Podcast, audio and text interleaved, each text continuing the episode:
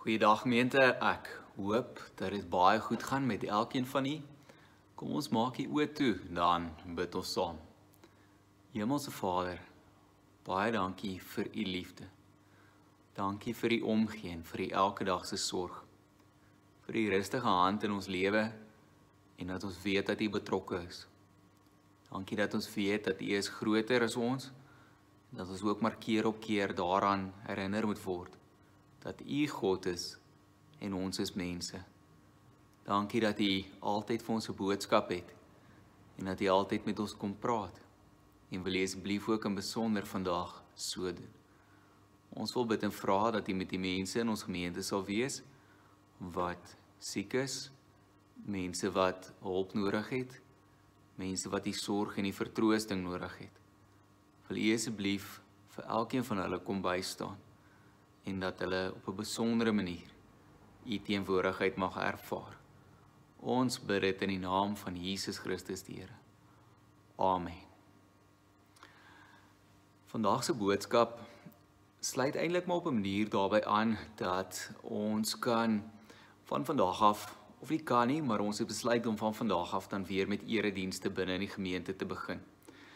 So die van julle wat die boodskap luister of kyk daar waar julle miskien by die huis of iewers anderster is, dit is sodat hierdie boodskap is, is eintlik geskryf met die idee dat ek dit ook deel met mense wat dan binne in die gemeente bymekaar kom op op 4 Oktober. Maar op die ou ene van die dag gaan die boodskap eintlik vir elkeen van ons uh, is dit meer as om net bymekaar te kom. So moenie dink dat jy uitgelaat is of enige so iets nie. Die die kern van die saak is um eintlik dat dit kom daarop neer, dit maak nie saak waar ons is nie. Hierdie boodskap het nog steeds vir elkeen van ons baie betekenis. Nou vandag gaan ons bietjie kyk na die boek Esra in besonder hoofstuk 3 gaan ons 'n gedeeltetjie lees uit uit Esra 3 uit. As mens dink aan aan die boek Esra, sou ons kon sê dat daar's daar's twee bene met ehm um, wat waar daar gebeurtenisse afspeel in dieselfde tydperk, maar die een been vertel een kant van die van die verhaal en die ander been vertel die ander kant van die verhaal. So van hoofstuk 7 tot by hoofstuk 10 lees ons eintlik dan nou van Esra self. Esra wat 'n priester was en wat sy rol was in hierdie tyd gewees. Maar hoofstuk 1 tot uh 6 kom vertel vir ons ietsie anderster. Dit kom vertel vir ons van die die herbou van die tempel, die opbou van die tempel. Dit was natuurlik gewees nadat die mense weggevoer was in ballingskap wat hulle in 'n ander land was, waar hulle slawe was, waar dit met hulle sleg gegaan het, die Israeliete gewees. En en hoe hulle dan op die einde van die dag 'n paar van hulle toestemming kry by die koning om dan terug te gaan na Jerusalem toe en dan die tempel te kan begin herbou. En dan kan mens onsself nou nogals indink eintlik ook hierso in hierdie gebeurtenisse en in alles wat wat gebeur het en hoe dit ook vir hulle moes moes wees. Maar wat interessant is wanneer ons dan uit uh hoofstuk 3 uit gaan lees, wil ek eers vir ons die eerste gedeeltjie vertel. Die eerste paar verse vertel vir ons daarvan dat die eerste ding wat hulle gedoen het was om die altaar te herbou. En dis nogal 'n belangrike stukkie inligting wat wat ons hierso moet hoor. Want wat het gebeur by die altaar? By die altaar het hulle bymekaar gekom en daarso het hulle offers gebring en die offers was aan die Here gewees. Dis 'n manier wat hulle die Here aanbid het en daar was natuurlik verskillende offers gewees, maar dis op 'n manier om te sê Here, hierso is wat ons vir U gee. Dis 'n manier hoe ons U aanbid en in 'n goeie verhouding met U wil bly. So hulle begin deur nie eers die hele tempel klaar te bou wat eintlik maande, jare lank sou vat en en dan is alles klaar, as begin hulle met die aanbidding nie. Nee, hulle bou dit wat eintlik klein en maklik en eenvoudig was om te bou, die altaar en hulle gaan so gou as moontlik aan met die aanbidding. Nou hoor ons ook dat terwyl hulle dit gedoen het, was hulle eintlik maar bang geweest vir die ander volke, die ander mense wat eintlik dan nou hierso in hulle beloofde land nou ingetrek het. Mense wat daar was en wat dalk vir hulle 'n bedreiging kon wees. Maar nog steeds weet hulle dat dit is die belangrike ding om te doen. Hulle herbou die altaar, bou die altaar weer op en hulle bring offers aan die Here. Hulle begin met hierdie aanbidding teenoor die Here want hulle besef dat dit is die belangrike ding om te doen. Ons moet die Here aanbid. Nou wanneer ons dan gaan lees, sal die groter teksgedeelte kom uit Esra uh, 3 vanaf vers 6, die tweede gedeelte van vers 6, ons kan sê vers 6b tot by vers um 12, 13, skus, by vers 13. Maar terwyl van hierdie boodskap en die en die videoetjie gaan ek nie alles lees nie. Dit praat eintlik maar toe hulle nou die die fondamente van die van die tempel begin herbou, toe hulle eintlik die fondamente weer lê. Maar binne in dit is al 'n spesifieke gebeurtenis wat ek wil uitlig. En dit kry ons by vers 10 en vers 11. In hierdie verse in Esra 3 vers 10 en 11 wil ek dan nou vandag vir ons hierso saam lees. En daar sal staan toe die bouers die fondamente van die tempel van die Here klaar gelê het, het die priesters in Amstrag reg gestaan met trompette. En die leviete van die Asaf groep groep met simbale om die Here te loof soos koning Dawid van Israel bepaal het. Hulle het die Here begin loof en dank want hy is goed. Aan sy liefde is daar geen einde nie, het hulle gesê. Die hele volk het dit tot lof van die Here uitgehebel want die fondamente van die huis van die Here was gelê. Nou kan mens nou jouself indink of of kan ons self probeer liewerster dalk indink om in die voete van skoene of in die skoene van daardie mense te te sou staan. En baie van hierdie mense was mense gewees wat uh gebore was daar by Jerusalem gewoon het of in die beloofde land gewoon het waar die tempel geken het en wat dan weggevoer is in ballingskap. So van hulle het dit geken hoe dit oorspronklik was. Van hulle dalk nou nie. Hulle is gebore eers na die tyd of was miskien te klein geweest. Maar wanneer hierdie mense wat dit geken het, dan eintlik terugkom in Jerusalem en dalk het hulle nou gehoor wat gebeur het met die tempel, dat alles afgebreek het, die stad is verwoes, dit lyk sleg. Ek bedoel die mense het regtig waar gegaan om te te plunder en eintlik hulle seer te maak. Hulle teruggaan met hulle weet hierdie skade wat gedoen is aan aan die stad en die tempel. En weet mos nou die tempel was vir hulle baie naby in die hart gewees dat hulle diep sou raak as hulle sien wat gebeur het. En hoe hierdie mense dan daar kom.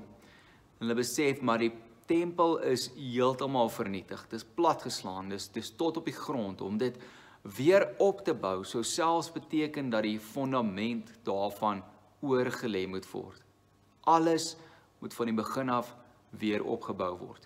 So hoe moes dit vir hierdie mense gevoel het om dit te kan sien en en te besef hierdie slegte ding wat met hulle gebeur het. Maar terselfdertyd dan nou as mens hierdie verse lees in Esra 3 vers 10 en 11 en ook dan nou die die mense wat daar was en en ervaar het en gesien het dat Hier word die fondament van die tempel weer gelê. Watter 'n verskriklike mooi ervaring moes dit nie vir hulle gewees het nie. Hierdie belewenis wat klomp gedagtes en herinneringe eintlik net weer terugbring en wat maak dat die mense besef, "Jo, hierdie is die huis van die Here." En dit het vir ons soveel waarde. Ons sien uit daarna na die dag om weer te kan aanbid in die tempel van die Here. Ek dink dit moes 'n groot belewenis, 'n groot oomblik in hulle lewe gewees het toe daardie fondamente gelê is en weer vir hulle ewe skielik nuwe hoop gee om aan te gaan met die bouwerk. Nou is dit interessant ook dat as mens die hele boek Esra lees, dan sien ons nogals 'n paar interessante goeters dat soos wat dit in ons tyd ook maar is as mens baie keer iets aanpak, is daar mense wat dit vir mens moeilik maak mense wat uh eintlik partykeer net eenvoudig wil hê dat die bouwerk moet stop, mense wat 'n bietjie 'n uh, stok in die wiel wil druk en sê nee, dinge kan nie so werk nie. En vir hulle was dit ook so gewees. Daar was keer op keer mense gewees wat sê wie is hierdie mense? Hoekom herbou hulle weer die tempel? En weet julle watter effek gaan dit hê as hierdie tempel klaar gebou is en so aan? Ons moet hulle stop. Dit moenie gebeur nie. Maar hoe op die ouene van die dag die Here eintlik die hele tyd betrokke is en hoe hy maak dat hierdie tempel herbou kan word. Hoe die Here eintlik sorg dat die fondse daar is en dat daar hande is wat help en bouers en en al die materiaal en alles eintlik net daarvoor. Hoe die Here in beheer is van dit alles. En dis eintlik verskriklik mooi om dit ook te sien. Maar op 'n manier voel dit miskien vir ons ook asof hierdie teks na in ons harte is eintlik vandag. Vir elkeen van ons dink ek het ons die afgelope tyd ook sekerlik gevoel ons wil graag in die huis van die Here aanbid, in die kerk soos wat ons dit ook ken. En dan is dit so dat dit kon die afgelope tydperk nie regtig waar gebeur het nie. Maar ek dink as ons nou eintlik daaraan dink, dan is hierdie woorde van Esra uh 3 vers 11 of 10 en 11, maar vers 11 ook vir elkeen van ons ook op 'n manier verskriklik belangrik. So ons ook kon sê, hulle het die Here begin loof en dank want hy is goed. Aan sy liefde sê dit nou daar vir Israel, maar sy liefde vir ons ook. Is daar geen einde nie. Die hele volk het dit tot lof van die Here uitgehebel want die fondamente van die huis van die Here was gelê. Miskien is dit hoe ons ook vandag voel dat ons met 'n dankbaarheid in ons harte vir die Here wil dankie sê dat ons weer met die eredienste kan aangaan hier binne in ons kerk. En dat ons besef dit is as gevolg van sy goedheid, maar dat ons nog steeds natuurlik bly bid en vra Here, maar bly vir ons beskerm, bly vir ons bewaar. Help ons asseblief dat ons nie weer 'n keer in hierdie situasie sal kom waar ons die kerk se deure moet toemaak nie. Ons wil graag die hele tyd hier bymekaar kan wees. En vandag kan ons dit doen met dankbare harte.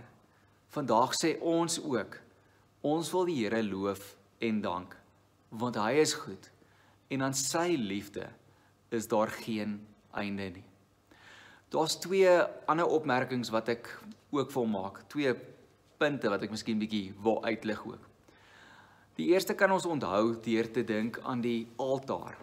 Ek het vertel van die altaar wat hulle eers herbou het en begin het met die aanbidding van die van die offers wat hulle gebring het.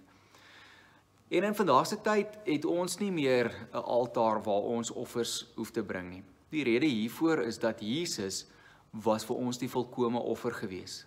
Hy het totaal en al die prys vir ons lewe klaar betaal en daarom hoef ons nie offers meer te bring nie. Maar wat ons wel kan doen is dat ons hele lewe moet ook 'n offer wees aan God. En daarmee word bedoel dat ons moet ons hele lewe vir God gee en sê Here dat U kom eerste. Ons lewens behoort aan U. Ons moet seker maak dat dit altyd so is. En daarom moet ons lewe ook 'n lewe wees van aanbidding. Dat ons elke dag met ons lewe, ons hele lewe en die hele dag lank ook die Here sal aanbid. So daarom al was ons nie die afgelope paar maande hier by die huis van die Here gewees of die kerk soos wat ons dit ken nie. Maak dit nie eintlik saak nie en was dit ook nie eintlik 'n verskoning gewees nie. Ons lewe moet nog steeds 'n lewe van aanbidding aan die Here wees. Selfs daar waar ons by die huise was of op ander plekke kon ons nog steeds die Here aanbid. Want die Here is oral en hom kan ons oral aanbid. So klein stappie verder ook. Soos wat die tempel vir die mense in daardie tyd belangrik was, is die kerk tog vir elkeen van ons ook belangrik. Maar nie so seer die gebou nie. Eindelik meer daardie boodskap wat gegee het die eerste Sondag toe ons nie hier bymekaar kon kom nie. Het ek gesê dat elkeen van ons is die kerk. Ons is deel van die gemeente. En ja natuurlik, daar is waarde daarin vir ons om te kan kom sit en stil te word binne in hierdie gebou wat ons die huis van die Here noem. Maar ons weet ook mos die Here is groter, dat hy nie net hier binne woon nie. So wat is die groter effek van die kerk vir ons? Wat mis mens? Mens mis die gemeente. Mens mis dit om deel te wees van ander gelowiges wat deel is van ons gemeente en dat ons op so 'n manier kan sê Dit is wat ons graag aan wil deel hê. Dit is wat ons graag weer wil ervaar om saam met die ander gelowiges wat ons deel van ons gemeente is bymekaar te kan kom. Die afgelope paar jaar het ek was ek maar baie bekommerd geweest. En die rede hiervoor is dat ek het nogals gewonder of volg Suid-Afrika se gelowiges of Christendom miskien nie die pad van Nederland nie. En in Nederland het baie gemeentes, baie kerke leeggeloop of bestaan hulle miskien selfs nie eers meer nie. Vandag is ek egter baie dankbaar om te besef dat daar soveel mense wat die afgelope tyd gesê het dat hulle sien daarna uit om weer as gemeente van die Here bymekaar te kan kom. Want ons is die kerk en ons mis dit en ons wil graag so bymekaar kom. So miskien was hierdie afgelope paar maande wat vir ons regtig lank gevoel het ook op tye. Miskien het dit ons bietjie nuut laat dink ook oor ons geloof in Jesus Christus en dat hierdie groot wens wat ons elkeen het of ons dan nou vandag by die kerk bymekaar is en of ons dan nou nie bymekaar is hierso nie of jy miskien nog kies om eers by die huis te wees van watter rede ook al is die punt dat hierdie verlange om as gemeente bymekaar te kom moenie sommer maar net iets wees wat nou in ons opgevuur het wat 'n nuwe ding is en oor 'n paar maande is dit weer weg nie Wat ons eintlik behoort te doen is dat ons moet opnuut besef dat die Here gaan nêrens heen nie. Hy wil altyd by ons wees en hy sal ook altyd by ons wees. Maar die vraag is, sal ons altyd lewende, aanbiddende gelowiges van die Here wees, kinders van hom wees? En daarmee saam sal ons altyd 'n lewende en 'n aanbiddende gemeente van die Here wees want daardie gedeeltjie is in ons eie hande. En ons het die geleentheid om dit nou nie noodwendig van voor af te doen nie, maar opnuut te besef wat dit vir ons beteken en om opnuut gemeente van die Here te kan wees. So hierdie dankbaarheid moenie sommer maar net iets wees wat weer verdwyn oor 'n paar maande nie. Maar onthou hoe dankbaar ons nou is. En kom ons maak seker dat dit altyd so bly.